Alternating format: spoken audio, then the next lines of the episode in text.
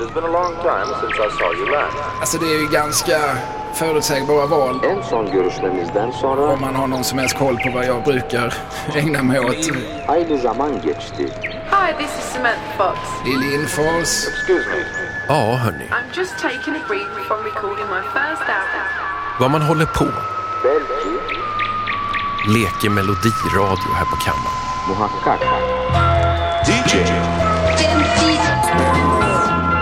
Och man är ju ingen miljardär. Så plattorna som landar på grammofonen är av Rebacks karaktär. Fem stycken ska vi spela. Och hela kalaset får inte kosta mer än en 50-lapp. Fuck you, inflationen. Och ta dig i dalen. Prisrally på Tradera och Discogs.com. För det här är DJ 50 spänn. Och här grävs den billiga vinylen upp för hand. Ur en dammig drickaback. På en loppis eller i den illaluktande fyndhörnan på någon lagom ohygienisk skivbörs. Jag heter Tommy Jönsson och idag har jag retrofilt finfrämmande Kalle Lind. Välkommen tillbaks! Stort tack för detta. Vad är det som för dig upp till Stockholm den här gången? Eh, ja, olika saker. Jag, jag gör en podd jag också som heter Snedtänkt och, jag har varit och träffat olika människor som har gästat den podden. Dessutom så gör jag för tillfället en, en, en podd åt tidningen Bamse Nej. som eh, 2023 ju fyller 50 år. Oh. Sen så har jag varit med och gästat ytterligare en podd. Everdal och Karlssons filmpodd, film och tv-podd. Det är lite som att du är ute på eh, Kalle Linds stora riksturné här. Ja, eller Riks och Riks, Sto- Stockholms, Ja. Stockholmsstoppet. men, men, ja, nej, men jag gör sådana små utfärder ibland. Eh, åker upp till Stockholm eh, tre dagar och eh, då är min tid liksom inplanerad ner på sekundmoduler i princip. Jag, jag far fram och tillbaka mellan olika människor och pratar så, så fruktansvärt mycket, liksom Ola Magnell, att, att jag får min Magnell-dos tillfredsställd för några veckor framåt. Fan, jag är glad för dig. Det är en drömtillvaro. Åka upp till Stockholm och sen babbla om Ola Magnell. Och vad som också, min familj är lite glad att sen så har jag, har jag liksom pratat av mig lite. Sen kan jag liksom komma hem till Malmö och leva ett liksom, tämligen normalt liv där. eh, Utan för, för, för mycket liksom, nedsteg i den här liksom, nördhelvetet. Mm. Känns det som ett nördhelvete ibland? Nej, nej, jag är väldigt road av det jag håller på med. Jag tycker inte att jag gör några flugor för när med, med mina, mina små oskyldiga intressen. Men, men jag har ju väldigt stor respekt för att människor inte är lika intresserade som jag av saker. Nej, det är ju ett problem. Ja, alltså, det, är ju, det kan det ju vara att man på en fest kan känna sig liksom lätt apart. Eh, men, men å andra sidan när man träffar någon som, som delar vissa intressen, och det gör man ju. Alltså det ser ju både du och jag till att göra. Vi finns. Det är bland annat därför vi har poddar. så, så, ja, men så får man just prata av sig. Mm. Och sen så får man liksom träffa vanliga människor och prata Ukraina och, och husräntor och elpriser Ja, just det. Sånt där trist. som vanligt folk. Alltså, jag kan känna att du egentligen är lite för stor och berömd i den här världen för att behöva en presentation. Här. Jag menar, alla vet ju vem du är, till och med i finrummen nu efter att du har släppt böcker om Karl Gerhard och Hasse och Tage och Hasse. Och... Så nämnde vi ju Snedtänkt förstås och så gör du den här Dunderpodden tillsammans med Fredrik av Trampe också. Som den heter är... Della Morta, men den, den är obskyr. Den finns bakom prenumerationsvägg. Ja, jag vet, men det är ju verkligen premium content också. Ja, man, Det är som att någon har, har, har liksom sågat upp lock i era skallar och så får man öppna luckan och titta ner där, vad som döljer sig där. ja, Det är oerhört fascinerande. Det är roligt att säga att Trampe får ibland för sig att han ska prata om någonting personligt. Jag känner stressen, jag känner ett akut stresspåslag. Nej, men vi ska väl inte, det, kan väl inte vara intressant att veta vad du och jag, liksom, vad vi tänker på. Eller, eller liksom, det kan väl inte vara intressant att liksom, på något vis få en del av vår vardag. Det, det måste vara mycket intressantare att prata Mikael Wiehe. Ja, men man, man lyssnar inte på den här podden av det skälet. Men det, alltså det finns ju de som är bra på att kontentualisera sin, sin vardag, liksom Alex och Sigge eller Filip och Fredrik eller så här. Men, men, men mitt liv är väl liksom fullkomligt ointressant för någon. Det är, ju, det är ointressant för mig. Va? Säg inte det. Ställ inga frågor om min vardag, för det, det är ju bara en, en, en man som, som hasar fram och tillbaka genom den centrala Malmö. Och, och pratar om Magnell. Ja, i bästa fall. Och då, då blir det intressant, för Olof Magnell är ju intressant. Ja, ja. Jag är ju inte intressant. Eh, det- det- jag tänkte fråga en grej om snedtänkt. Du har hållit på med det sedan typ 2014. Känner du aldrig panik för att snart tar ämnena slut? Nej. Alltså för att jag menar, du, hur många eh, hundratals program har du gjort nu då? Ja, i talande stund är det väl drygt 350, men nej, alltså de- dels så finns det ju hela tiden Alltså jag springer ju på massa ämnen och gubbar och tanter eh, i mina parallella verksamheter när jag sitter och skriver olika biografier och sådär. Men sen så får jag också väldigt mycket input. Folk som tipsar, eh, tipsar om ämnen, tipsar om sig själva, tipsar om gäster, eh, påminner om att den och den är fortfarande i livet och här är ett nummer. Och, och sådär. ja. Så att jag, jag får väldigt mycket eh, av den sorten. Det hade säkert gått ändå, men, men eh, i, i perioder känner jag att podden i princip gör sig själv. Det är fantastiskt. Ja, det, det är en lyx. Men några ämnesidéer måste väl ändå eh, liksom kasseras på vägen? Har, har du inte några så här snedtänkt ämnen som aldrig blev program att bjussa på? Ja, det kan jag nog inte säga. Alltså, de, ligger ju, de står ju fortfarande kvar på listan på något sätt. Att eh, ta fram i, i händelse av fullkomlig idétorka. Nej, men alltså, det finns ju människor Alltså jag har ju som ett litet kontaktnät av, av några, no, några nära som jag i princip skulle kunna ge, som ge vilket ämne som helst till. Och så får de väl göra research då. Ja. Subtweetar vi David Nessle här nu eller? Ja, och Fredrik av Tampe Ja. och Mattias N. Och så finns det en fantastisk kvinna i Sundsvall som heter Sara Ödmark som kan allt om eh, någorlunda modern tv-kultur. Ska vi skrida till verket? Det tycker jag. Det här ska ju handla om skivor. Var någonstans var du och trålade? Heter det Record Heaven? Record Hunter tror jag jag tänker Record på. Om, om det är det på Sankt Eriksgatan. Eh, Men där fanns en, en, en källare och så luktade det lite sådär gott av mögel. Mm. Och så är det lite läskigt för där hör man också tunnelbanan så väggarna skakar lite där nere. Ja, men det, känd, det kändes ju ga- ganska mycket som när jag var i Stockholm första gången som 7-8-åring och den här staden liksom framstod som, som metropolis. Alltså jag fick tillbaka lite grann de vibbarna. Mm. Då, då minns jag att jag var nere i, i Alltså det måste ju varit gallerian då, alltså, eller vad heter det, som kulvertarna, arkaden under, vid Sergels torg. Ja. Där låg någon punkbutik som, som, jag vågade mig in i som 7-8-åring. Och köpte ett, en pin med, med, med Crass, ett, ett band som jag nog fortfarande aldrig har hört. Men du köpte pinnen i alla fall. Ja. Jag, jag förstod att den här pryder sin plats på en jeansjacka. Det är ju en oerhört tuff pin att ha faktiskt. Tyvärr är den borta. Nu langar vi på din första.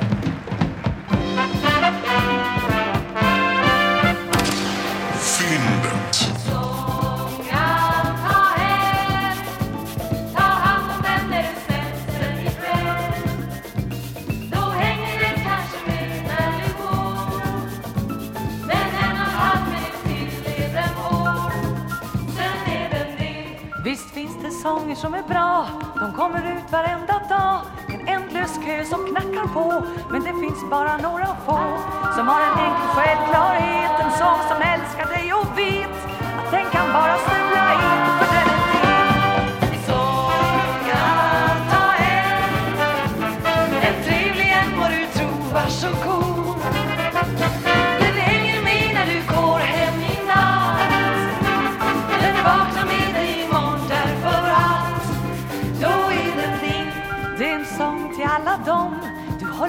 av och tycker om. Och har du barn som väcker dig imorgon bitti dass och säg att de får inte någon ballong och ingen godis men en sång.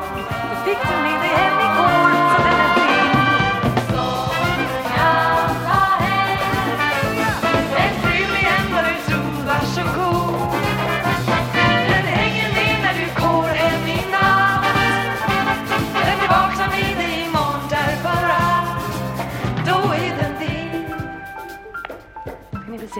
baksidan av de där programmen som ligger på bordet där på baksidan av den där svarta skrangliga människan som är...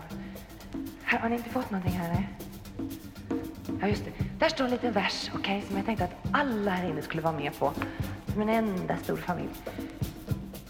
Det kanske syns lite dåligt längst bak i salongerna här. Men förut så tände vi upp för att alla skulle kunna se, men det blev så pinsamt så vi har slutat med det nu. Så, men ni kan ju nynna med så pass. Har ni inte något program? Har inte fått något? Usch vad slarvigt. Alltså från dem, inte för det. En, två, tre, fyra. En sång att ta hem. En trevlig en må ni tro, varsågod. Den hänger med när du går hem i natt. Den vaknar med dig imorgon därför att då är den din. En sång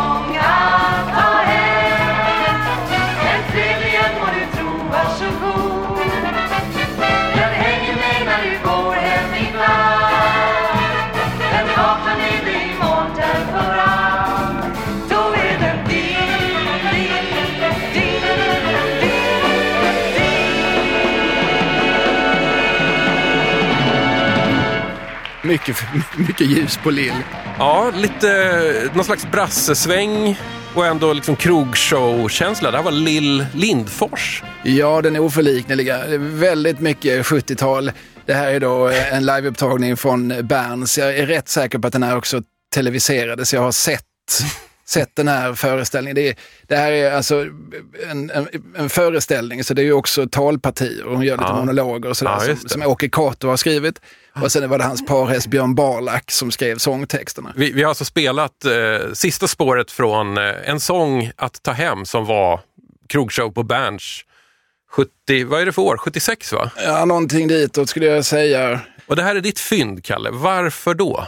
Eh, ja, men jag har inte sett just den här. Alltså, du- Lill Lindfors gjorde ju också ett gäng studioplattor som ju är klassiker. Du är den ende och Ja, ja, ja. Fritt fram och de här. Och då, den här är, skulle jag säga, något mer obskyr. Mm, jag är inte hundra på, den kanske finns på Spotify nu, men jag vet att den inte fanns på länge i alla fall. Ja, just det. Eh, och eh, på det viset så tyckte jag att det, det är väl ett fynd så gott som något. Ja.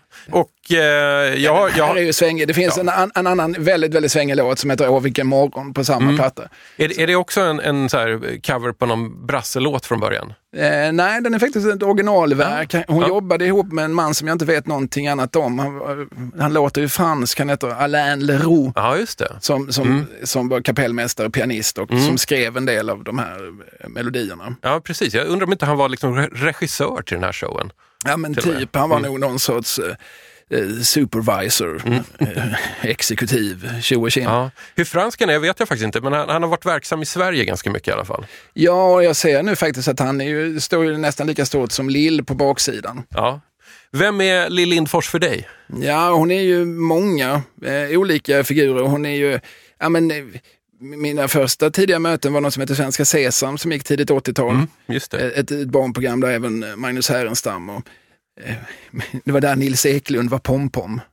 Jo, men jag, jag, jag såg nog det också. Ja, precis. Alltså, det var ju dockor från alltså, amerikanska Sesame Street och sen så var det en svensk nyproducerad ramhandling som utspelade sig på en teater där Härenstam var dirren och eh, Liljenfors var ju då någon sorts allt-i-allo som hette Millejor. Alltså, hon hette väl Lillemor, men, Ja, men ja. dir, dirren kunde inte prata rent. Och så, och så, På den tiden man gärna jo- gjorde sig lustig över talfel. ja, ja, det var ju roligt. Men, men som, och Nils Eklund han spelar en figur som heter Pom-Pom. Han var han är liksom vaktmästare och han kallas så för att han går runt pom, pom, pom, pom, pom, pom, pom. Och han, den, han, han byggde på en, en verklig figur som lär ha varit vaktmästare, om jag inte minns fel, just på Berns Jaha. salonger. Eh, som, som Thomas Alfredsson har berättat om för mig. Eller f- för, om, ja, du Ja. förstår vad jag menar. Eh, och det var mina första möten med Lill Lindfors, men hon fanns ju alltid. Alltså hon, hon är ju en konstant. Lill Lindfors debuterade professionellt 1961 och eh, jag träffade henne för några månader sedan. Hon spelar musikal i Malmö i detta nu, i talande stund. Alltså hon har eh, som haft en karriär som verkligen bara pågått. Ja. Alltså hon är ju entertainer. Alltså hon, ja, hon kan ju sjunga, men, men hon har inte, det är inte rösten, alltså det är inte hennes röstomfång som är grejen. Utan hon har eh, det här sättet att, och det hörs ju i den här sången också, att, att intimisera med publiken. Att Ja. känna, den här sången skulle jag säga är ganska representativ för henne. Det är, det är väldigt mycket du. Ja. En sång att ta hem, den, du vaknar med den eh, imorgon. Ja. Du tar med den hem. Alltså, hon, hon, hon, det, det är som, hur många sitter det? 700 pers på Berns salonger, men var och en av dem, det är som att hon ser var och Ja. en i ögonen. Du satt ju och kommenterade också. Här går hon ut i publiken. Och, och, som, som en panter nästan, föreställer jag mig.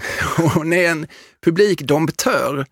Jag, jag har sett henne live ganska många gånger för att vi, vi brukar ses minst en gång om året i samband med att Cornelis-stipendiet delas ut. Då brukar jag vara konferencier och hon brukar vara en av dem som, som uppträder. Hon har själv eh, fått priset för några år sedan. Eh, och eh, hon gör samma sak varje år. Alltså det är exakt samma program. Alltså ner på inandningen är det exakt samma program. Men, men det låter varje gång som att, eh, som att hon gör det för mig. Ja. Bara för mig. Mm. Hon är fantastisk. Jag, jag älskar henne. Jag som så här, 10 kronors vinyl-freak så eh, har, har jag ju alltid plockat alla. Jag borde ha full svit på Lill Lindfors. Album åtminstone. Ja, alltså hon har ju varit produktiv men inte så gräsligt produktiv. Alltså det är ju inte som Siw Malmkvist och eh, Ann-Louise Hansson som, som, som ju är lite grann, det är ju samma generation och sådär, men, men som ju sprutar ur sig singlar på ett annat sätt. Lill Lindfors har ju alltid, hennes grej har ju alltid varit att hon har varit lite mer sofistikerad. Ja. Det är ju coolt för mig som, som ju är lite sådär nöjeshistorie-freak. Alltså under sina första tre år i branschen så samarbetade Lill Lindfors med Povel Ramel, Karl Gerhard, Hasse och Tage, Beppe Wolgers, Hagge Geigert och Ove Thörnqvist. Mm. Det fanns inga kvar sen som var nå- någonting att ha. Nej, lite så var det ju. Sen så kom han ju att liera sig med Magnus och Brasse sen på, på, på 70 och 80-talet och drev Maximteatern ihop med dem. Eh, som- jag läste nu, eh, inte längre har råd att betala hyran. Nej, vet du vad som ska bli där istället? Det blev väl en cykelbutik. Nej, nej, nej, nej. nej. Hillsong, den här australiensiska halleluja-sekten. Den som över. Rackar-Alex eh, förmodligen är med i. Mm, jaså? Eh, Alltså känd från Barnkanalen. Ja, ja.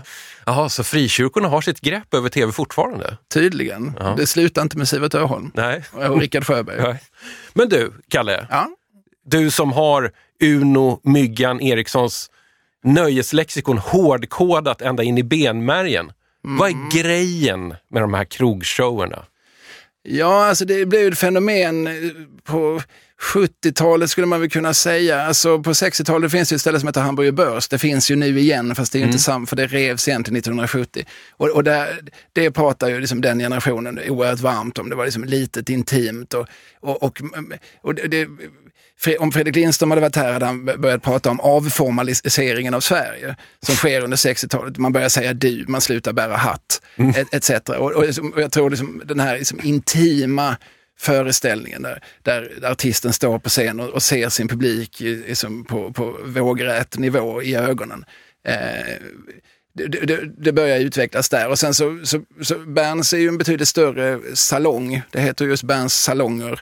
Eh, men men det, det är tilltalet som, som eh, Lill Lindfors och, och, som, och en handfull till. Det är Lill-Babs och Povel Ramel och Magnus och Brasse och, som, som eh, tar med det till till krogen, Östen Warnerbring och, och Cornelis gjorde en del krogshow på 70-talet. Det är ett väldigt typiskt 70-talsuttryck.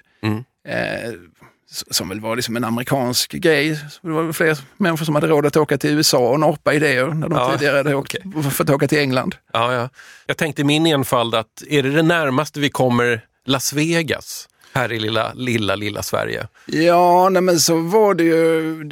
Folk var nog i Las Vegas, de var nog också i New York och LA och, och såg saker eh, och in, inspirerades. Alltså, ja, man, det är där man har liksom en orkester som, som eh, så pass stor att de kan spela lite varierat, lite olika uttryck och så, gärna blås. Så, så att det blir liksom lite tryck i salongen.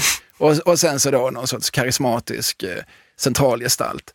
Eh, Ja, Jag har en känsla av att, eh, att det var en eh, att det var sköna kvällar. Och så, så blandar man ju då eh, monologer som är, som är lite roliga och gärna lite, lite pikanta. Och så, Ja. och så låtar som är lätta att sjunga med i. Precis.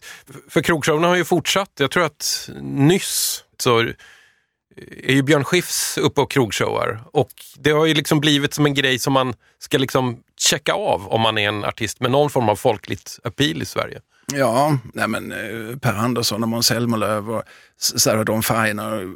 Sarah Dawn Finer gör nu någonting ihop med Tarek Taylor, vilket jag vet, vet inte exakt vad han ska göra på scen. Men, men, det är ju matlagning som är hans grej egentligen. Det, det var väl så från början, men sen har han väl bara blivit en allmän allmän skön kille. Ja, okej. Som man bara, liksom bara låt Tareq ta på en myströja så, kom- så kommer det att lösa sig själv. Nej men, ja, men alltså, det är väl någonting fundamentalt i just det här liksom kombinationen av eh, att äta och dricka och, eh, och låta sig underhållas. Som eh, i Sverige var förbjudet under väldigt många decennier under 1900-talet. Alltså, Jag tror 1919 så, så förbjuds eh, möjligheten att servera alkohol i anslutning till scenunderhållning. Det så kallade varietéförbudet. Det hade varit en stor grej innan man satt och drack punsch och tittade på tämligen lättklädda damer. Ja, ja. Eh, och, och, sen, och från och med då så, så, så, så, så är det slut på det, så då får liksom revyer och, och liksom föreställningar, operetter spelas i teaterlokaler. Eh, och sen 55 så försvinner det här i samband med att också motboken och, Ja, ja. och, och sådär. Och, då, och det är då det här Hamburg Börs blir ett fenomen. Och, och, och, på- runt den scenen så flockas det sådana som Olle Adolfsson och Beppe Wolgers och Lars Forssell. Och, och, och man börjar odla det här liksom intimare uttrycket som, som, eh, eh, som alldeles uppenbart har gått hem hos publiken. Ja, här får man lära sig. Mm. Har du själv sett någon krogshow på sistone? Eh, nej, Nej, inte jag heller. Nej, alltså, alltså, och, och det är intressant sådär liksom i, i 70-talets Sverige, för att det, det är ju också en tid då, då man ganska medvetet höjer restaurangmomsen och gör det mycket svårare för vanligt folk att gå på krog. Alltså, det, det är ju, om man pratar liksom social ingenjörskonst och sådär, man, man vill ju inte att folk ska vara ute och drälla, man vill ju att folk ska så, sitta i sina förortslägenheter och titta på Hyland. och, Hyland och Ja. Lennart Swahn. Men med just krogshowen blev ändå ett fenomen under samma tid och jag tror att det har rätt mycket med representationskonton att göra. Så det finns något skattetekniskt i det här. Ja, faktiskt. Ja. Alltså, jag, jag tror att, eh, att en betydande del av de som, som gick på Berns i, Sto i Stockholm, eller Trädgården i Göteborg eller Kronprinsen i Malmö, det var liksom den triangeln ja. folk brukar göra. Ja. Eh, de som, publiken som var där, de flesta av dem betalade inte själva. Okej Kalle, jag tycker vi går vidare här och kollar lite vad slumpen gav dig där i skivbacken. Ja, alltså slumpen gav mig någonting som jag faktiskt hade en nära relation till.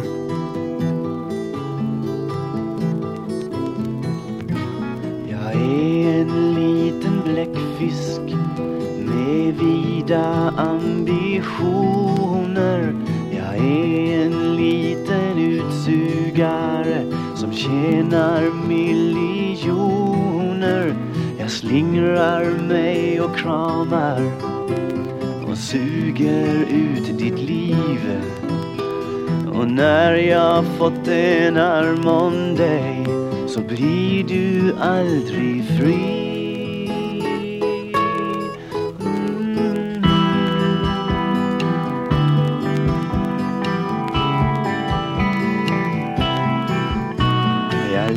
Mm. Kanske natten men färgen min är mörkblå. Jag lever helst i vatten i dyn, där kan jag bäst gå. Jag har en arm i Nordsjön och en i Spanska sjön. Men Medelhavet älskar jag, det vill jag helst nå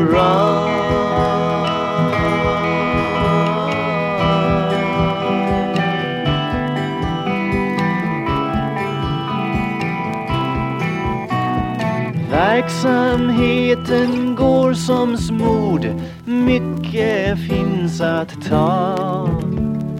Utsugandet har jag gjort till en riktig.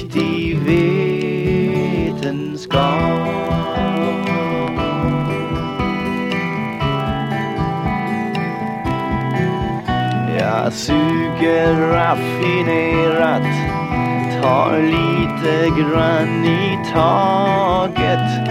Annars blir de rädda och vill inte veta av ett Jag inger stort förtroende. Man ber om mitt skydd. Men när jag skalat köttet av dem då slår jag dem på rygg.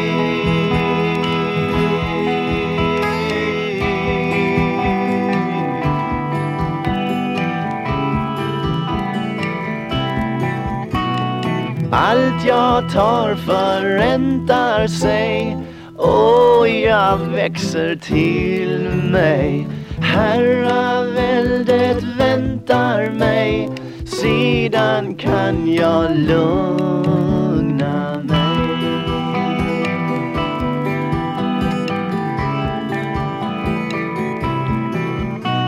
Jag drömmer om att hålla hela jorden i ett järngrepp och bjuda konkurrenterna jakt i näsknäpp. Vi bläckfiskar är hårda, men vi lever som vi lär. Att äta upp varandra det är ett kärt besvär.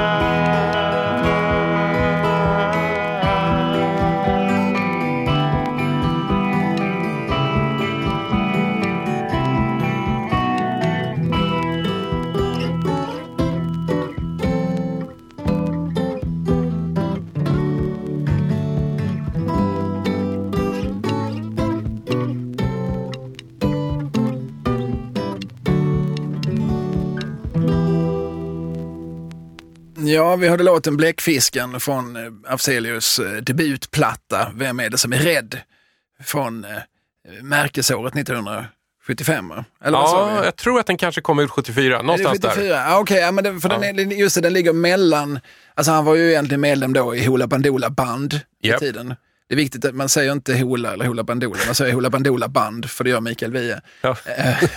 Och den, ja just det, deras tredje platta på väg kommer 73 och deras sista platta, eh, Fri information, kommer väl 76. Så han slinker emellan med denna. Ja, just det. Eh, han eh, hade ju också ambitioner. Likt Bläckfisken i låten hade ju Björn Afzelius ambitioner, men det fanns ju en väldigt dominant låtskrivare i Hoola. Ja, just det. Det har man hört en del om att Mikael Wiehe ville inte gärna släppa ifrån sig pennan hur lätt som helst där. Nej, och på Hoolas sista så har Afzelius med en handfull låtar.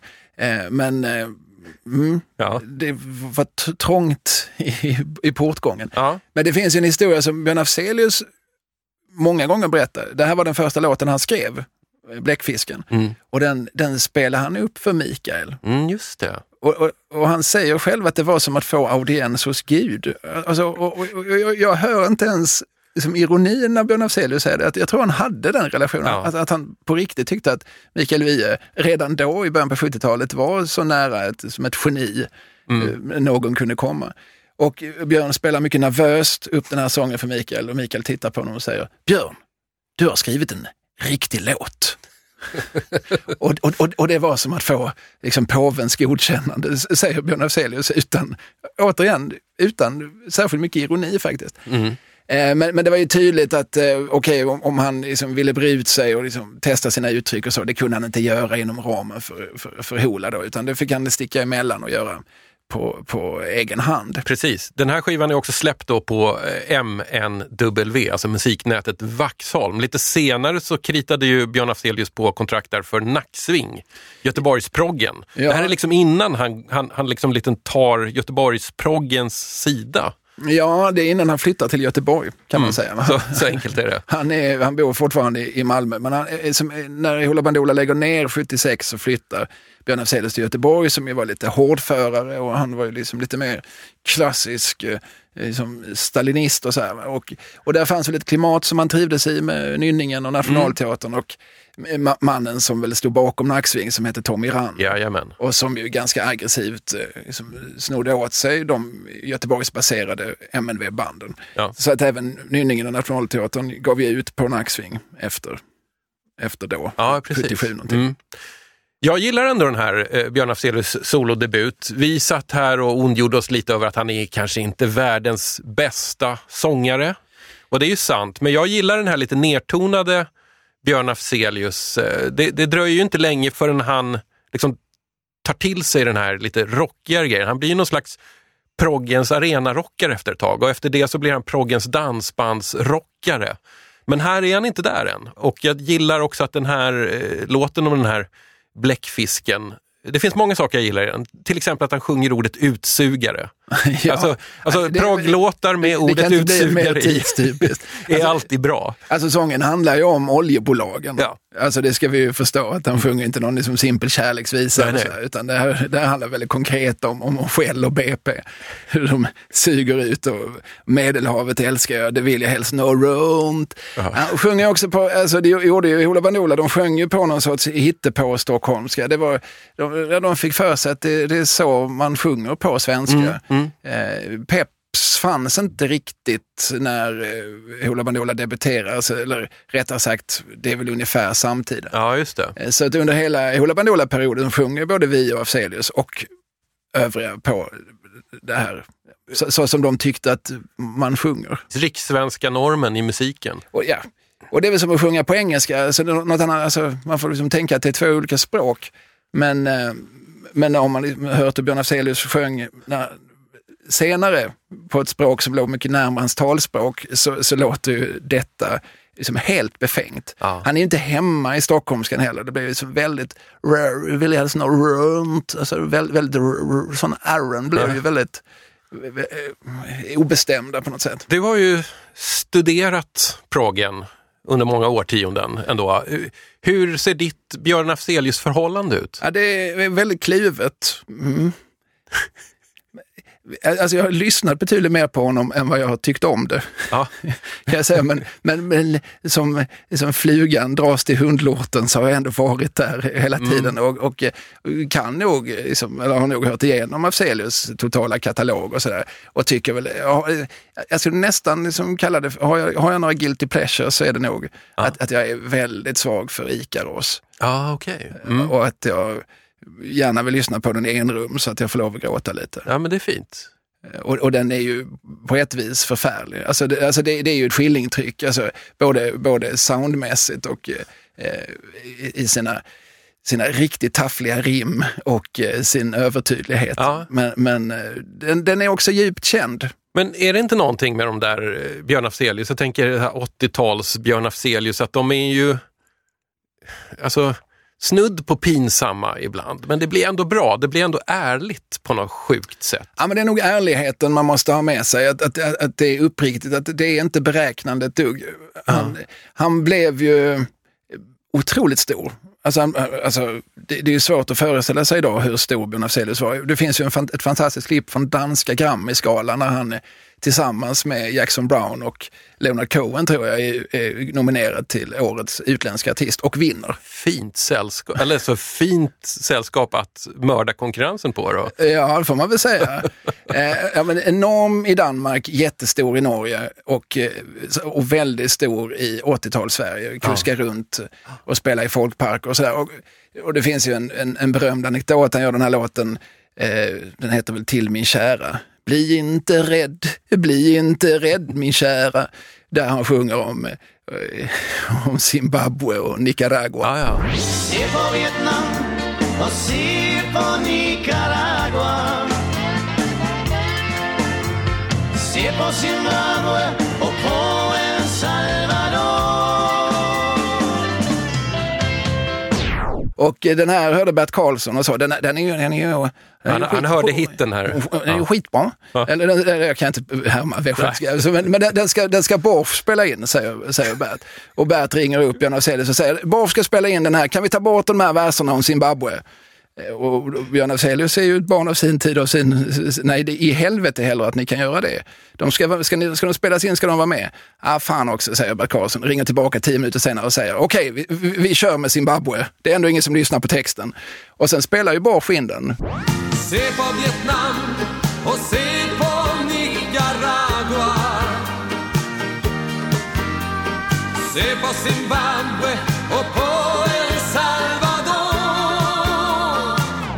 Ja, det man blir glad av den kombinationen av, av Stefan Borfs oerhört välmodellerade röst och eh, de, de, i dansbandssammanhang sällan förekommande eh, geografiska beteckningarna Zimbabwe och Nicaragua. Ja. Nej, man måste ju älska det. Och då, då får ju också liksom Björn Afzelius rätt för att han hånades. Han, han, han var ju ett sådär lovligt byte. Jo, ja, men jag minns det. 80-talet. Jag, jag tyckte själv att för fan vilken tönt. Tänkte Ja. jag då på den, på den tiden. Och då var inte jag särskilt liksom, rättrådig proggare eller någonting sånt. Absolut inte. Det var mest att han var det var ju ungefär som att ens eh, magister hade ett rockband och lirade. Ja, alltså, och Mikael Wiehe var ju magistern, Björn Afzelius, honom, alltså, han, var ju gärna, han hade ju gärna skjortan uppknäppt till naveln. Alltså, han, det, han, det var ju tydligt att han också liksom, ansåg sig ha någon sorts sexapil, vilket jag tror gjorde honom ytterligare lite töntig. Alltså, vi, vi, ja. vi eh, hade ju sina runda glasögon och, och, och eh, sin, sin kavaj och sin nedstoppade skjorta. Så han, han påstod ju inte riktigt att han var någonting som Nej, han inte var. Mm. Men, men eh, och, och sådär Lasse Anrell i Aftonbladet. Alltså jag tror liksom, kritiker tävlar lite grann om att skriva liksom, de elakaste sågningarna av Björn Afzelius. Och eh, medan då Ulf Lundell samtidigt ju liksom hyllades. Och jag tror det ett, om man ska liksom presentera Afzelius och Lundells 80-tal för en ung människa idag, de kan ju inte höra skillnad. Nej, det tror inte jag heller. Uffe eller Affe, nej, jag, Nej. Jag, jag kan, det här är exakt samma, exakt samma gubbighet. Men, men, men, men det ena ansågs vara briljant och det andra ansågs vara förkastligt. Eh, men, men då hade han ju hela tiden det här som, som sitt försvar på något vis, att jag når ju ut med mina texter och, och jag har ju också viktiga texter. Nu, nu går ju som folk på, på Malungs dansbandsvecka och, och dansar till vetskapen om att folket formerar sig i Zimbabwe. Ja. Eh, och det får man väl ge honom rätt i. Om man nu tycker att musik, att det är bra om musik har den effekten. Så, så ja, få människor har, har spelat in så mycket till Nicaragua som Björn Afzelius gjorde. True that. På tal om progg, Kalle. Ska vi också ta langa på din nostalgiplatta som jag såg där i bunten? Ja, för fan. Jag flyt in! Jag flyt in! En centralbyråkrat, en centralbyråkrat Han får inte vara lat En centralbyråkrat, en centralbyråkrat Han får inte vara lat Han måste jobba och se till så att människorna inte får bo där de vill. Man kräver resultat av en centralbyråkrat Men vem är det som kräver? Man, man, kan inte ha kvar människor på platser där det inte lönar sig att ha dem. Eh, Det måste ju vara fel att ha kvar sådana människor. Eh, Nej, jag menar platser.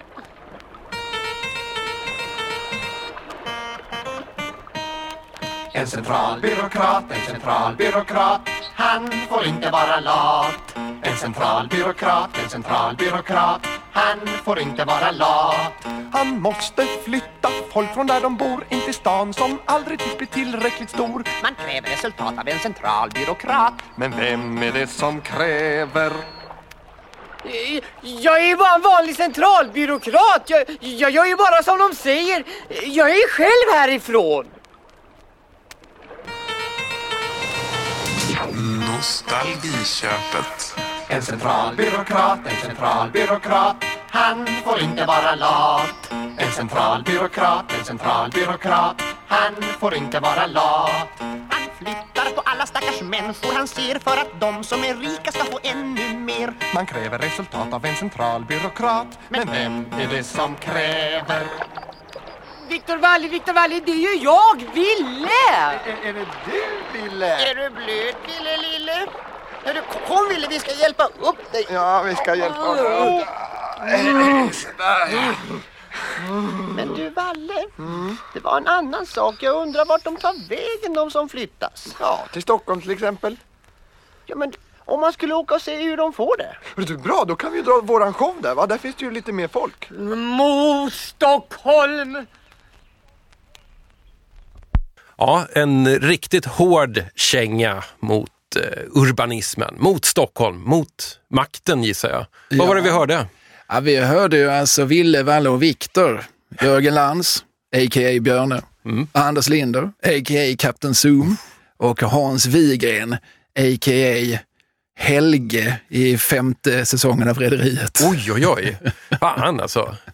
Ja, bra gäng. Eh, jag ska bara säga det att ni fick inte den fulla upplevelsen av eh, Ville, Valle och Viktor-skivan här. För att de pratar väldigt länge innan de börjar sjunga om den här centralbyråkraten.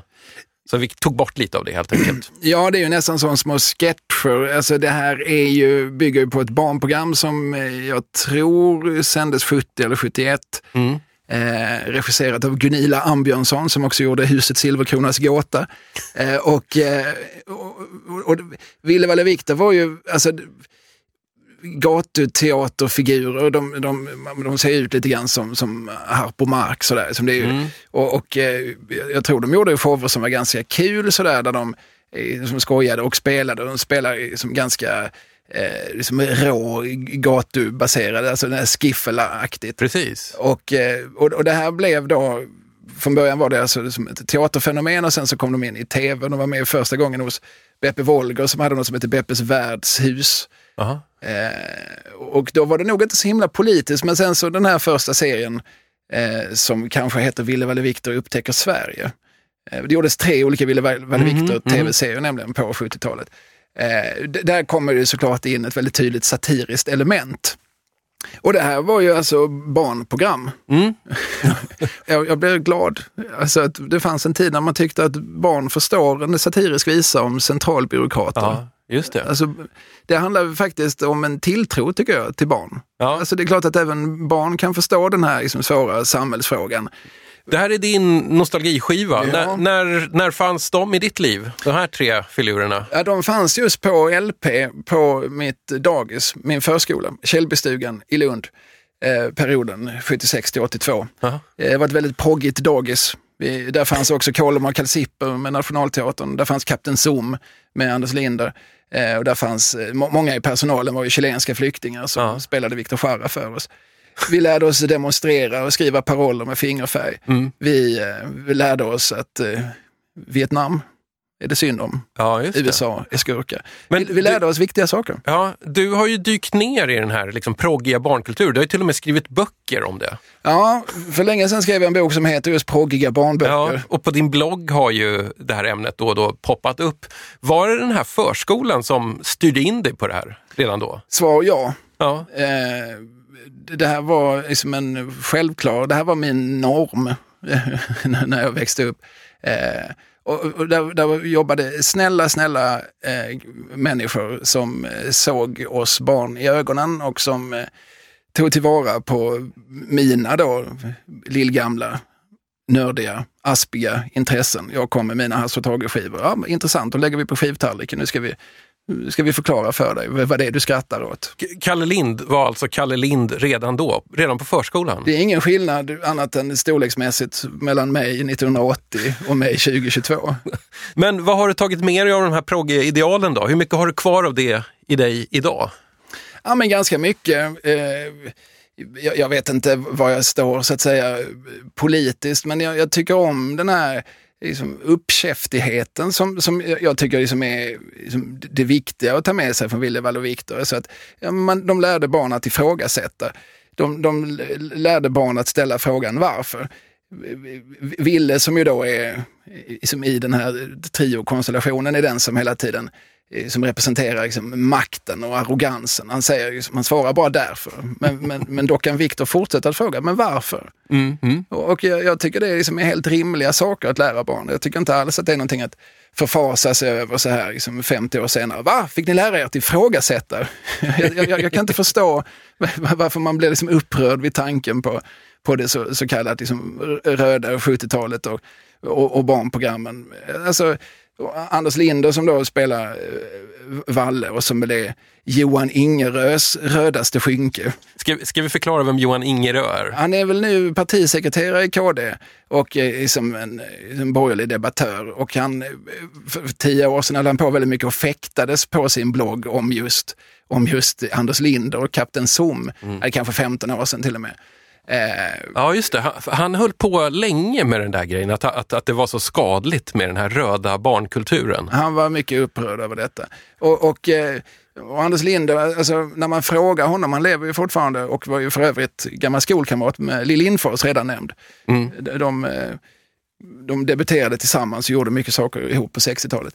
Men, men han, han hade som alltid slingrat sig, eller, eller han tycker nog inte att han slingrar sig. Alltså, nej, men Vadå, vi sa att fabrikerna släpper ut skit. Ja, det är sant.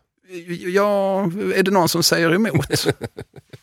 det, det stämmer ju, det, det, det är ju sant. Men, men att ni sa att fabrikerna släpper ut skit, det gjorde väl ändå att de här programmen såklart var politiska. Det är, ju- det är ju larvigt att försöka få det till, men det var inte politik, det var bara sanning. Fast politik kan väl i allra högsta grad vara sanning och sanning kan väl vara politik. Men, men eh, så, som där jag står så tycker jag att, eh, att det är väl en, en högst väsentlig sanning även för barn att lära sig att, att fabriker inte bara är goda. Nej, jag, jag har bara gott att säga om min, om min uppväxt och min, min alltså väldigt eh, röda barndom. Alltså det här var ett kommunalt dagis i Lund, men som av någon anledning som attraherade pedagoger med, med, med en tydlig liksom, vänsteragenda.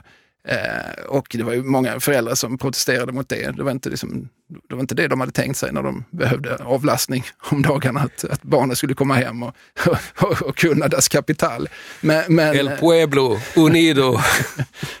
men för mig handlar det väldigt mycket, alltså när jag minns tillbaka på på eh, liksom mitt lilla på eh, andra halvan av 70-talet som var liksom min, min barndom då. Att, att vi, vi togs på ett oerhört stort allvar. Mm. Och, och jag kan inte se någonting negativt i det. Jag har ett favoritspår på den här skivan. Ska vi köra den som en liten kort bonus här bara? Ja, ja. Det finns någonstans en blå planet en blåare planet än våra berg och sjöar. Där alla människor får bestämma Bestämma om hur det ska vara för oss alla. Det finns någonstans en grön planet En grönare planet än våra hav och ängar. Där vattnet alltid går att dricka Och luften alltid går att andas För oss alla. Det finns någonstans en röd planet En rödare planet än våran solnedgång. Där alla har vad de behöver Och alla gör vad de förmår.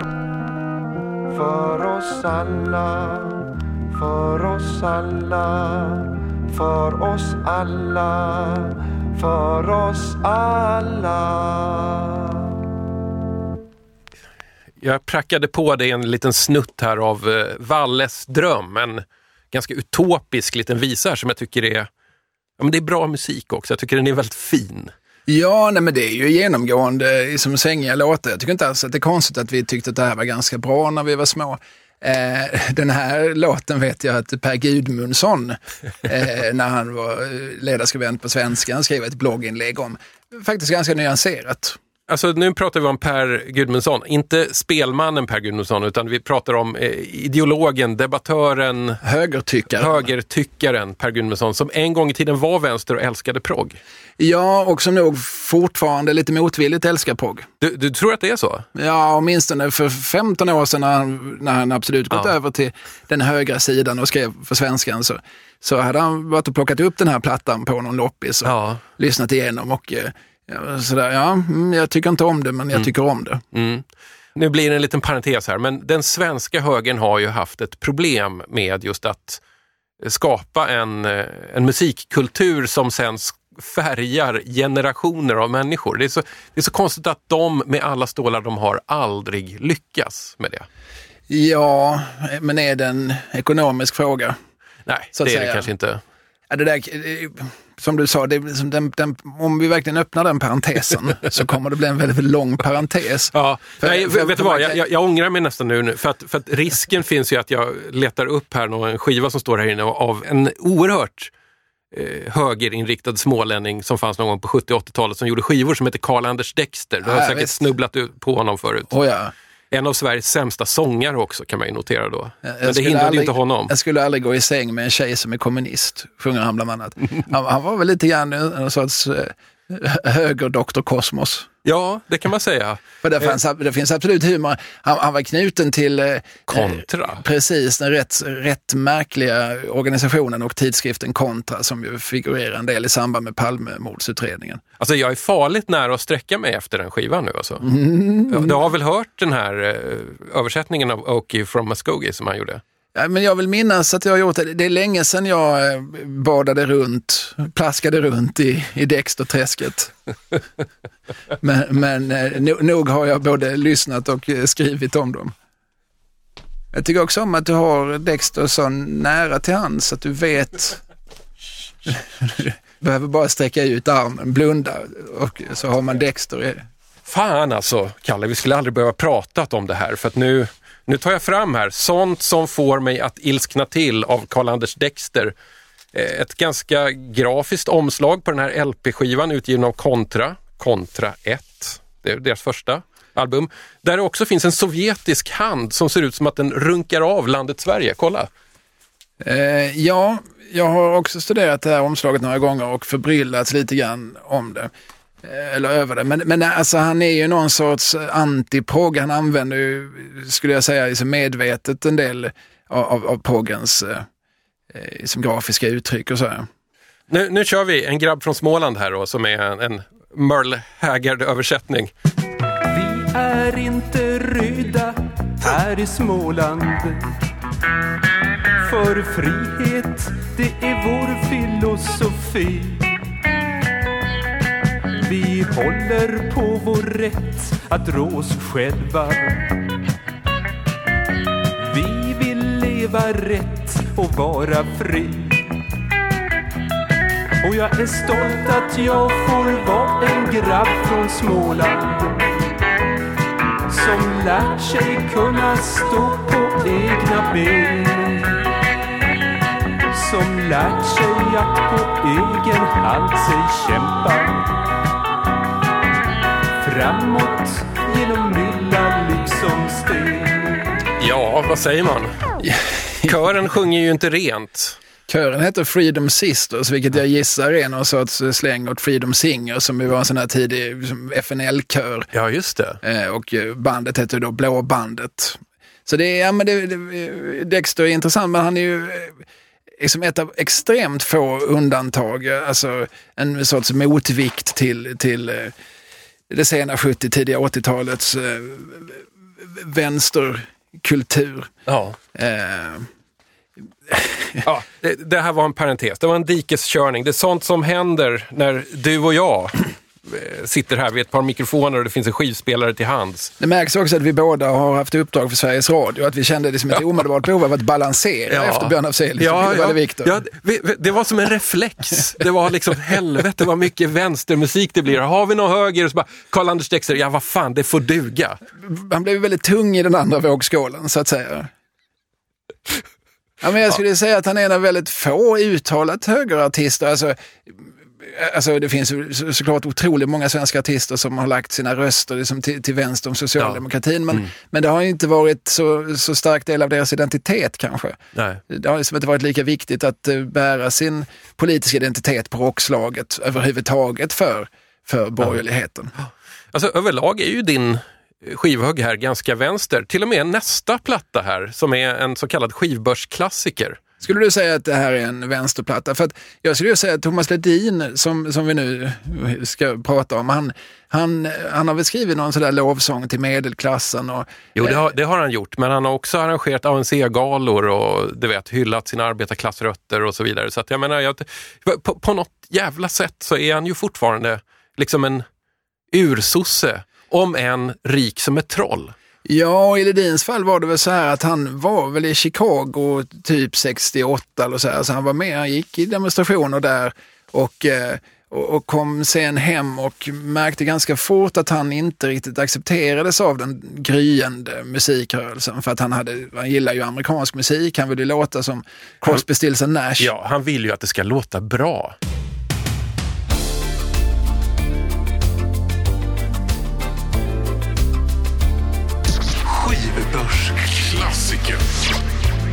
Man hade lovat bättre väder Det kommer bara regn Det är ett hederligt gammalt lågtryck. Men vi är äntligen på väg. Så här kommer vi nerför autobahn. Genom ett regnigt Europa. Men vad gör det? Huvudsaken är att du är med. Vi hade tänkt oss lite solsken. Få möta våren eftersom. Ta oss långsamt ner mot kusten. Via rutt Napoleon. Men istället flyter vi nu fram. Genom ett regnigt Europa. Jag gör det? Huvudsaken är att du är med. Genom ett regnigt Europa rullar vi fram. Genom ett regnigt Europa, du och jag.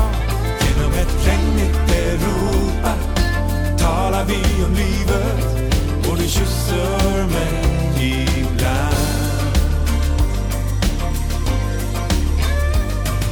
Ta dagen som det kommer. Vi ska njuta av varann. Om du berättar om dina drömmar ska jag tyda dem om jag kan.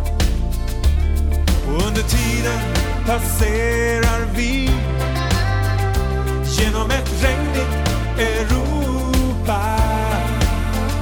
Men vad gör det?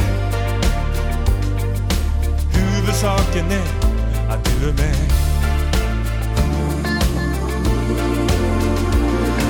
Ja, huvudsaken är att älskling, du är med. Genom ett regnigt Europa rullar vi fram. Genom ett regnigt Europa, du och jag. Genom ett regnigt Europa. Kalle, du som är liksom en riktig radioveteran här, kan inte du ava den här så man får den här nattradiokänslan? Och där hörde vi Thomas Ledin med Genom ett regnigt Europa.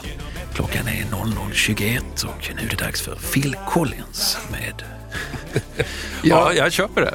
Det här är väldigt mycket eh, som 1990. Alltså Ja. det, så här lät 1990. Ja. Åtminstone när jag tänker tillbaka på det. Men visst hade den här låten ett riktigt så här nattradiosound? I högsta grad och jag- förutsätter att de hade, nu är jag dåligt inlyssnad, men, men visst är det liksom lite Phil Collins, lite Jackson Brown, lite Ja. liksom väst, amerikansk västkust. Ja, lite Chris Rea kanske också. Absolut, Ja. och, det, och det är väldigt slickt Mm. och det är väldigt producerat. Minsta detalj polerad med Ja, den här och, mjuktrasa. Och jag har ju lite svårt att eh, gå igång på det, men eh, det här blev ju en bomb. Alltså, nu så här efterhand så har vi ju en bild av att Ledin, han har ju, han har ju hållit på sedan eh, 70-talet och varit stor sedan dess. Det har han ju inte om man lyssnar på podden Hundåren. Ja, just det. Med det var... Thomas Andersson Vi, så, så just det, det påminns om hur stora eh, hål han har i sin karriär. Alltså långa perioder av overksamhet, långa perioder där han liksom försökt närma sig en internationell marknad. Och han hade ju liksom en viss backning i svärfar, Stickan Andersson. Ja, ja. Och, och trots det så, så, så blev det inte riktigt. Och när den här kom, alltså som, som jag har förstått det, alltså den blev ju enorm. Jag tror den Mm. kanske sålde liksom 400-500 000 ex. Och jag, jag tror det var fyra singlar från den, vilket ju Mm, var mm. mycket. Det stämmer nog. Din skivbörsklassiker här är alltså Thomas Ledins Tillfälligheternas spel och det här är 1990. Den stora comebacken för Thomas Ledin. Precis, och jag tror ingen riktigt eh, hade anat att det skulle bli så stort. Nej. Om jag minns rätt så, så är det nog så att de blev tagna på sängen av, Mm. av, av intresset och framgången. Och ganska snart så prånglas det ut någon sorts samling. Så att Sommaren är kort blev ju en hit på nytt där någon gång. 99 En större Ja. hit än vad den blev när den släpptes första gången, typ just tio år det, tidigare. det, det släpptes ju också faktiskt någon slags Thomas Ledin megamix med alla hits i liksom ett enda långt medley. Ja. Eh, en skiva som för många av mina vänner och för mig på den tiden förmodligen hade kunnat vara väldigt effektiv som tortyr. Han är ju intressant för att han, precis som Björn Afzelius var lovligt byte, så, så har väl Ledin också Ja. varit det. Ja. Alltså vi har, man har liksom haft rätt att säga att Ledin är en Mm. tönt, Ledin är en fjant. Och, och, och det vill jag inte hålla med om att han är på något sätt, men, men, men det är också för mig liksom oerhört osexig musik. Ja, jo. Det är väl så med Thomas Ledin att under hans liksom stora år, eller så här, under hans toppar i karriären så har han gjort musik som verkligen har väckt eh, liksom instinkten att reta och håna och såga hos varenda rockförståsigpåare i landet. Ja, det, jag vet inte exakt vad det är i låtarna som gör det, men det väcker det. Det, det, det, är, liksom, det är lite grann som jaktinstinkten hos en varg.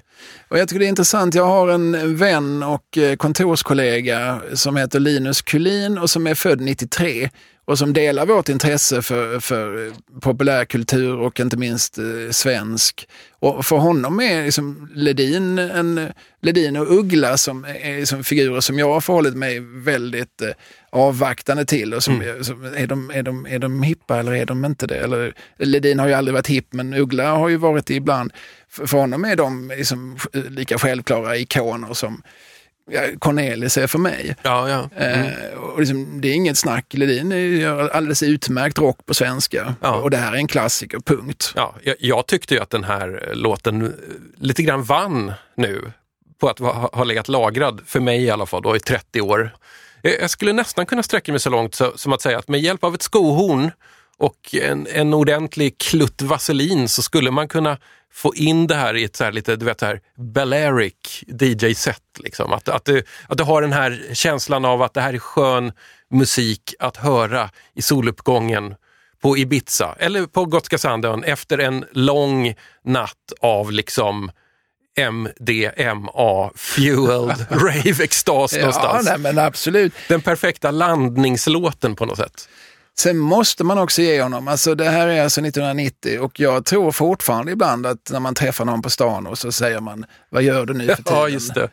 Och att man också automatiskt säger, varför hör du aldrig av dig? Mm, mm, mm. Så är det. Alltså att, att göra alltså en så effektiv öppning som en del av mitt hjärta har, det, det har möjligtvis Titanic.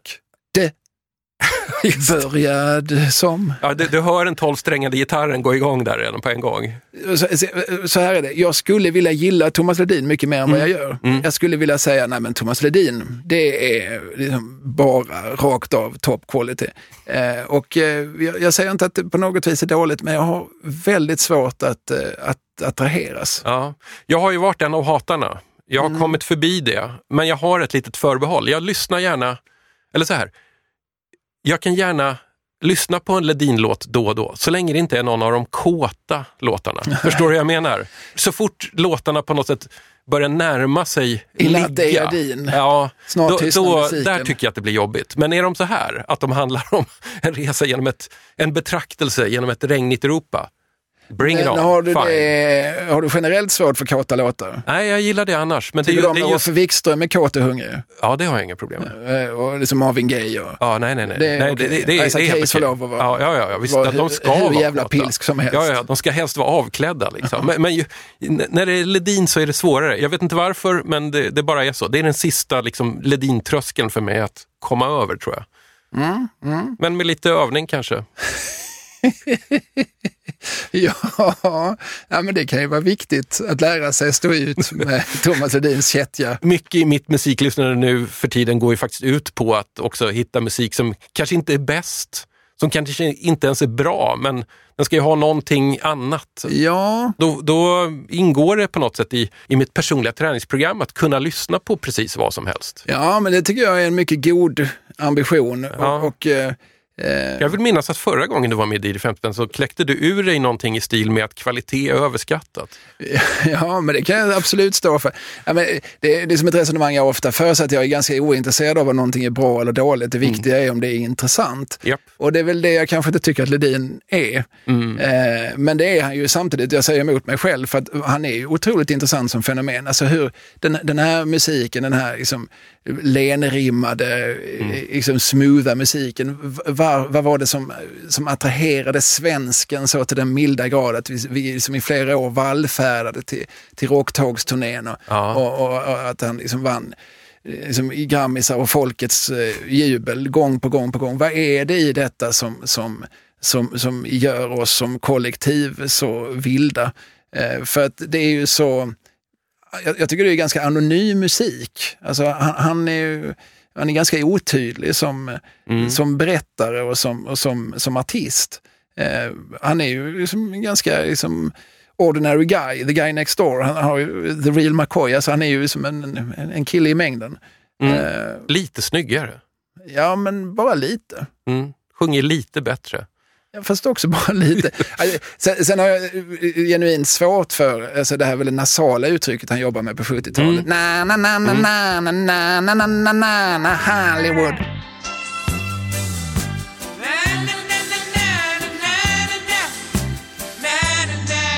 Men, men i den här eh, hundåren-intervjun som du nyss refererade till så förklarar han var det kommer ifrån. Ja, så det minns inte jag. Nej, det kommer från José Feliciano. Aha. Det- det är någon jag slags tänkte här- det kommer från näsan. Nej, men, ja, men det är, någon, det är en sångteknik för att liksom höras över en stimmig coffeeshop tror jag från början. Ja, ja, ja. That makes sense, men, men det är fortfarande inte alldeles behagligt för mina trumhinnor. Kalle, vi har bara en skiva kvar i din hög här. Det har blivit dags för din chansning. Ja, och här har jag väldigt, väldigt lite att säga. Jag har inte hunnit höra eh, skivan. Eh, artisten heter Rune Andersson. Mm. Ringer det några klockor hos dig? Ja, en regular i loppisskivbackar skulle jag säga. Alltså Rune Anderssons 70-tal kan man ofta hitta. Han var ju ihop ett tag med Lena Nyman och de gjorde några plattor ihop, lite Karin Boye-tolkningar tillsammans med Bernt Egerblad och sådär. Eh, han spelar en av rövarna, sångrövarna i, i eh, Ronja Rövardotter. Ja, tillsammans det var med Claes Jansson som jag missat. Och Ja. Tommy Körberg. Vänta, vänta. vänta. Claes Jansson, Tommy Körberg och Rune Andersson. Ja, det är de som sjunger. Jävlar vilket gäng ändå. eh, de här. Eh, och han, var, han, han hängde ju liksom i samma viskretsar som, eh, som Bengt Sänd och Finn Zetterholm, Mm. Evert Ljusberg. Eh, liksom det här liksom lurviga gardet Ja, ja. som gärna sjöng om, om eh, snus, mus och brännvin. Just. Eh, han, och han fanns med liksom i, i, den, i den kretsen. Han har någon gång giggat på Vispromen Storken kan man gissa. Det hann han göra. Jag tror att den kanske läggs ner 1970 och jag ser på den här skivan att han debuterar redan 66. Men när man tänker visa så tänker jag ju liksom lätt på alltså, liksom en svensk eh, tradition med lite eh, ja, men, som, som flörtar lite grann med liksom, folkmusiken från Dalarna, Hälsingland och sådär. Eh, det här är alldeles uppenbart en skiva som har mycket mer gemensamt med den amerikanska folkmusiken. Där, där, där kan jag säga utan att ha lyssnat på hur den låter. Men, men den Ja. verkar vara skriven under någon sorts roadtrip i, i södra USA. Mm. Vi, vi kör lite här så får vi se vad, vad vi får för bilder av Rune Andersson. Och plattan heter också Anderson Road. Old highway mot låg i luften en omtalad legend. Om när Andersson kom hit fanns det ingen vit man i trakten omkring Skilabänn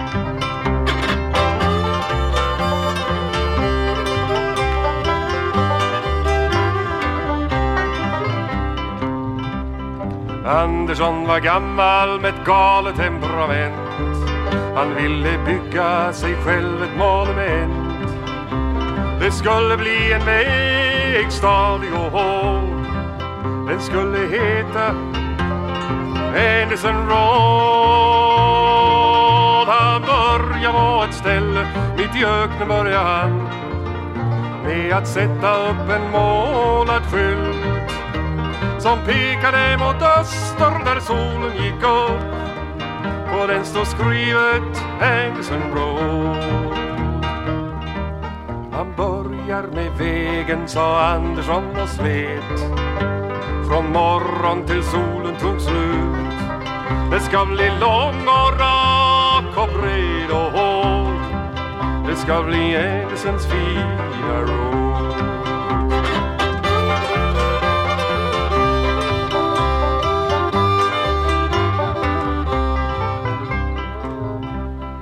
Bygget gick långsamt men nog blev den rak. En underlig figur böjd som ett vrak. Mitt i Arizonas öken slet som en besatt. Han ville bygga sig en väg stadig och hård. Men en dag var det slut. Jävlar i min själ, sa Andersson och föll och slog huvudet i en sten. Det var ingen som såg, bara solen som sken och visa var Andersson låg. Fåglarna åt uppen och solen brände ner Anderssons ben till stoft och vinden blåste hård och spred Anderssons doft över Edisons damm.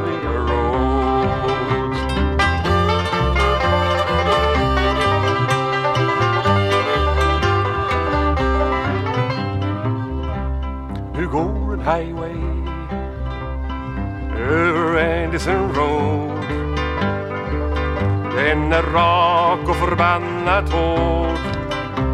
Den gamla skylten har ersatts av en ny som pekar säkert mot en blåa sky. Viker du av in på Edison Road är den rak, lite skabbig men hård. Han gjorde ett fint jobb denne galne gamle man. Hans väg tog slut när han spårlöst försvann. På en highway från Skilabädd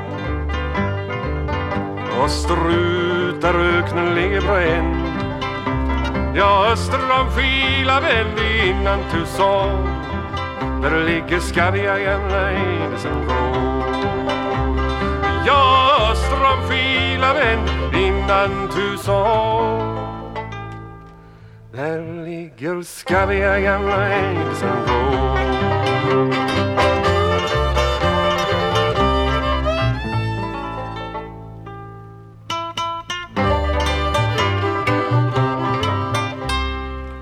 Din chansning här då? Rune Andersson, Anderson Road. Vi spelade titelspåret. Eh, vad, vad känner du? Det var lite träligt. Det, det, det lyfte aldrig riktigt. Men jag tyckte det var intressant. För, för att återgå till Ja. liksom det, det kanske viktigaste när det gäller musiklyssnande om du frågar mig. Ja, ja. Jag, jag fokuserar på det positiva här. Det är inte så ofta man eh, plockar fram en svensk trubadurplatta så får man så här mycket banjo till exempel. Nej, och det är väl kanske lite sån här fingerpicking. Som, som Fred Åkerström gjorde en platta som heter Två tungor där han har en fi- fingerpicking-gitarrist med sig och sådär. Men annars, nej, alltså USA var ju under den här tiden, alltså det här är en platta från 1970, Va? Eh, det var ju liksom per definition lite dubiöst. Alltså man ville liksom, man ville undvika, om det gick, att ha liksom för, för mycket kopplingar Ja, till just liksom den amerikanska kulturen. Även då den här eh, liksom, Folklåtar, Precis, kulturen. Det alltså är ju det- konstigt. Ja, precis. Ja, men, det- och det fanns absolut de som, som såg bortom det och, och som, som argumenterade väldigt mycket liksom, för både bluesens och liksom bluegrassens eh, liksom, folkliga rötter och sådär. Och, och hela den här skivan eh, har de motiv alldeles uppenbart från en resa han gjort. Han, han måste liksom ha packat gitarren och, och tänkt nu, nu ska jag bila runt lite i den amerikanska södern och se vad som kommer till mig. Ja. Så det är ju som låtar som eh, Lady Lane och Sång för Gringo. Det är en bra titel, om inte annat. Ja, precis. Och sen det är också en sån där liksom tidsmarkör att eh, det är små kommentarer till varje låt på omslaget. Vad skrev han om den här då? Mellan Bend och Tucson i södra Arizona mot gränsen till Mexiko ligger Anderson Road.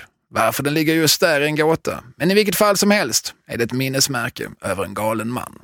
Jag vet väldigt lite om Rune Andersson, slår mig nu. Ja, är Jag känner ju till namnet. Nej, men jag vet ju hittar att honom han- i skivbacken då och då. Ja, han kom från det här vishållet, du nämnde Vispå, men Storken som ju var en väldigt viktig samlingsplats under 60-talet. Där, där, där uppträdde liksom både Fred och Cornelis och Stefan Demert och Ja, ja. Finn Zetterholm och, Mm. och, och sådär. Men också, de, man, de bjöd också in liksom äldre eh, generationer och så. Mm. Taube kom aldrig, det var lite för småttigt för honom. Men han var nog i princip den enda som inte stod där av, av landets Ja, gitarrarbetare ja, ja. Mm. under det här liksom, eh, 60-talet. Och, och, så han, kommer ur den scenen och eh, han har ju spelat in lite supvisor med Finn Zetterholm. Va? Ja, just det. Det tror jag. Han, han är inblandad i det där på något sätt, ja. Det, Ja. det är sant. Mm. Och, och eh, den här, det finns några sådana skivor med mycket legender kring att, eh, att, det, att det gjordes under en tagning och att eh, de också tog en sup till varje låt. Och att jävlar, det är ganska många spår på de där. man tycker att, man lyssnar man, men visst hörs det. visst är de lite mindre artikulerade mot, mot slutet av sida två. Vi kan nämna alltså, att den här är producerad av Sid Jansson som, som var en visentusiast och, och var en av de som drev Vispro med staken. Han var också eh, reklamtecknare i, i grunden och liksom formgav väldigt mycket av, av eh, affischmaterial och, och eh, sådär. Men, men också Gunnar Bergström, legendarisk eh, sonettdirektör. Ja, ja, ja, just det. Om vi pratar om Metronom som var liksom ett stort eh, svenskt skivbolag så fanns ju också då Sonett Mm. som där, där bland annat Peps gav Ja, ut sina det. plattor. Mm. Eh, detta apropå Anderson Road. Jag vill också säga att den, den påminner ju rätt mycket textmässigt om eh, Taube. Jag ser nästan en vinkning tillbaka till Taube som ju Ja. Förutom sina, alltså Kalle Schewens vals och så här, hyllningar till svensk natur, ju också skrev väldigt mycket om olika män han träffat på de sju haven. Ja, just det. Så Himlajord som, som handlar om en svensk som hamnat tror jag, i Australien och byggt en ranch och sådär. Mm. Han berättar liksom historier från om de här vinddrivna gestalterna han mött. Det här var ju verkligen en sån låt. Mm. Eh, Jag jag gillade den här textraden om när han hade dött där och, och blivit uppäten av fåglar. Jag vet inte varför, men det, man, gillar, man gillar ju liksom låtar om döden på något sätt. Ja, inte minst om det där grafiska. Att, eh, där ligger han i ökensanden och, och gnags så sakteliga sönder. Bra ställe att att sluta programmet på, tänker jag. Prata lite om döden. Vad händer eh, härnäst i Kalle Lind-universum? Ja, det är samma som vanligt. Jag harvar på. Jag eh, går upp på morgonen och sätter axeln mot hjulet. ja, men jag ser ju livet väldigt mycket så. Det är ofta för, är du aktuell med? Jag vet inte, är jag det? Ja, det kanske är. För mig är ju varje dag relativt lik den andra. Jag, antingen så skriver jag eller så pratar jag om någonting som hände för 10 till 100 år sedan. Ja, visst. Men jag brukar säga det ibland i DJ 50 spänn. Om, om man bara håller sig till tillräckligt mossiga grejer som hände för länge sedan så blir det ju tidlöst. Ja, men det är ju verkligen en sorts credo jag arbetar efter. Alltså, när jag började skriva böcker någon gång 2009 och så här, det är ju mycket liksom stories om Per Otto Hyland och folk som, alltså, då satte vi också på första boken, liksom 100% inaktuell, rykande inaktuell. Och, så och, och, det, och det är ju, inaktuell betyder ju också tidlös. Ja. Du ska få en James Last-låt att träda ut ur studion med. Jag undrar vad vi ska ta den. Om vi ska ta från... Ja, vad har du inte spelat Tommy? jag har ingen koll längre. Så här dags brukar väl de flesta av dina lyssnare ha Ja, de, de, de har lämnat oss för länge sedan, men det, det är helt okej. Nej, men nu, nu har vi ändå varit in lite på det här trubadurspåret här. Det finns ju en Mr Tambourine Man. Ska vi köra den? Nej, men kolla, Lay, Lady Lay. Det blir lite Dylan här. Vi är ändå medelålders män. Vi gillar Dylan. Jag vågar tro att de flesta av dem vi har spelat har någon sorts relation till Dylan. Åtminstone har Björn Afzelius och Rune Andersson och Thomas Ledin det. Ja, ja, ja. Alltså, Lill har ju gjort Dylan-låtar för all del. Ja, ja hon Väldigt gjorde bra. ju Låt mig vara, det är bra. Alltså Don't think twice, it's alright. Jag tycker ju faktiskt att Mikael Wiehe gjorde en utmärkt eh, översättning av Ja. eh, It's all over now baby blue. Sakta lägger båten ut från land. Hör du det här? Är det här verkligen James Last? Vad fint det är. Gud. Och och här kommer liksom Dylan in och sjunger med sin mest eh, Ja. välmodulerade röst. Det är ju en sån låt som många... Är det här verkligen Dylan Ja, som precis. sjunger? Kunde han sjunga Kan så? han sjunga? Varför sjunger han inte alltid Nej, så? exakt. Ja. Kalle, det var underbart att ha dig här igen. Ja, det var ett sant nöje. Ses vi igen om fem sex år då? Gärna för mig. För du kommer väl inte lägga av med retrofili? Nej, jag har ju ingen relation till samtiden. Nej. Så att, eh, och det finns ju väldigt mycket baktid att Ja. eh, ägna sig åt, att förkovra sig i. Jajamän. Ja, men det här blir bra. Det är ganska mäktigt.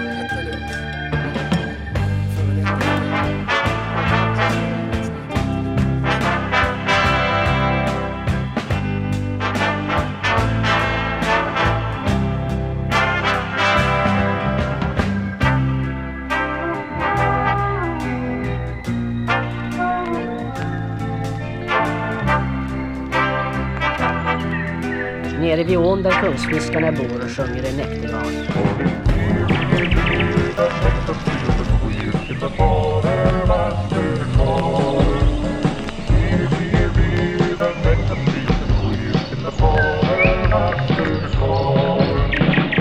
Sir, you hold an important position.